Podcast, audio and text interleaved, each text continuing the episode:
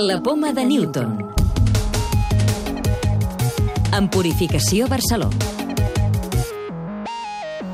Avui a la Poma de Newton visitem el projecte Melissa de l'Agència Espacial Europea situat a la Universitat Autònoma. També us parlarem dels mamuts i sabrem quines són les condicions perquè un planeta aculli vida. Som a la Facultat d'Enginyeria on està ubicat el projecte Melissa. Pretén demostrar que és possible crear un cicle complet que serveixi de suport de vida als astronautes en missions espacials de llarga durada. Utilitzen energia, plantes i bacteris per generar oxigen, reutilitzar l'aigua i tractar els residus a través de diferents reactors interconnectats i amb ratolins en el paper d'astronautes. Fem la visita de la mà de Francesc Gòdia, un dels responsables del projecte. El que intenta fer Melissa és desenvolupar desenvolupar un cicle ecològic tancat per una comunitat d'astronautes que estigui visquent aïllada en l'espai i que, per tant, necessita tenir una tecnologia de suport de vida que els hi permeti ser autosostenibles. Ara entrem a la sala on tenim el compartiment de les plantes i el compartiment de lo que nosaltres diem la tripulació, que és un aïllador d'animals. La nostra tripulació és una tripulació de rates que simulen un humà, simulen la respiració d'un humà. Quan tinguem tota la planta pilot muntada, això necessites com entre 30 i 40 rates per simular la respiració d'un humà.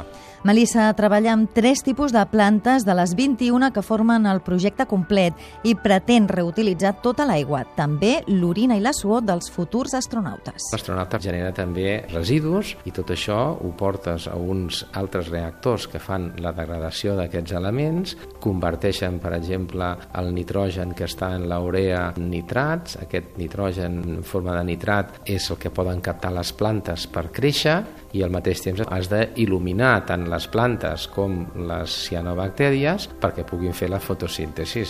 El projecte complet consta de 13 laboratoris internacionals. El de Catalunya té com a objectiu fer la demostració terrestre, és a dir, comprovar que aquest cicle de vida és possible. La nostra pregunta és, podem fer aquest cicle tancat, operar-lo de forma controlada, sistemàtica, robusta i que no falli? Això és la nostra pregunta.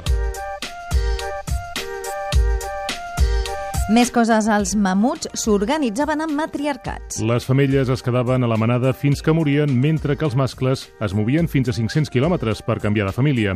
Aquesta és la conclusió de l'estudi més gran que s'ha fet mai i que ha analitzat 143 restes d'aquesta espècie a l'Europa continental. Carles Loreza Fox, de l'Institut de Biologia Evolutiva, és coautor d'aquest estudi. Els elefants actuals també tenen aquest mateix comportament, que és moviment de mascles entre grups i permanència de femelles. Curiosament, és un moviment contrari al que s'ha descrit en neandertals i en grups humans, que són els recolectors. L'Institut de Recerca Biomèdica fitxa Manuel Serrano, investigador referent en medicina regenerativa a tot el món. Serrano reconeix que continuarà treballant en càncer, però que també obrirà noves vies de recerca. Queremos trabajar en, en otras enfermedades. Todas tienen en común esta presencia de células dañadas y eso es lo que queremos trabajar, en cómo eliminar estas células dañadas en distintas enfermedades. Un equip de científics alemany desenvolupa una nova estratègia contra el càncer basada en la immunoteràpia en un intent de buscar una vacuna contra aquesta malaltia. Han utilitzat nanopartícules d'ARN, una molècula present al nucli de les cèl·lules i que transmet informació per simular l'acció del càncer i provocar una resposta del sistema immunitari.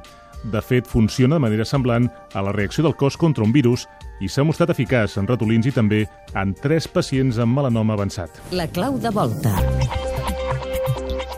Què cal perquè hi hagi vida en un planeta?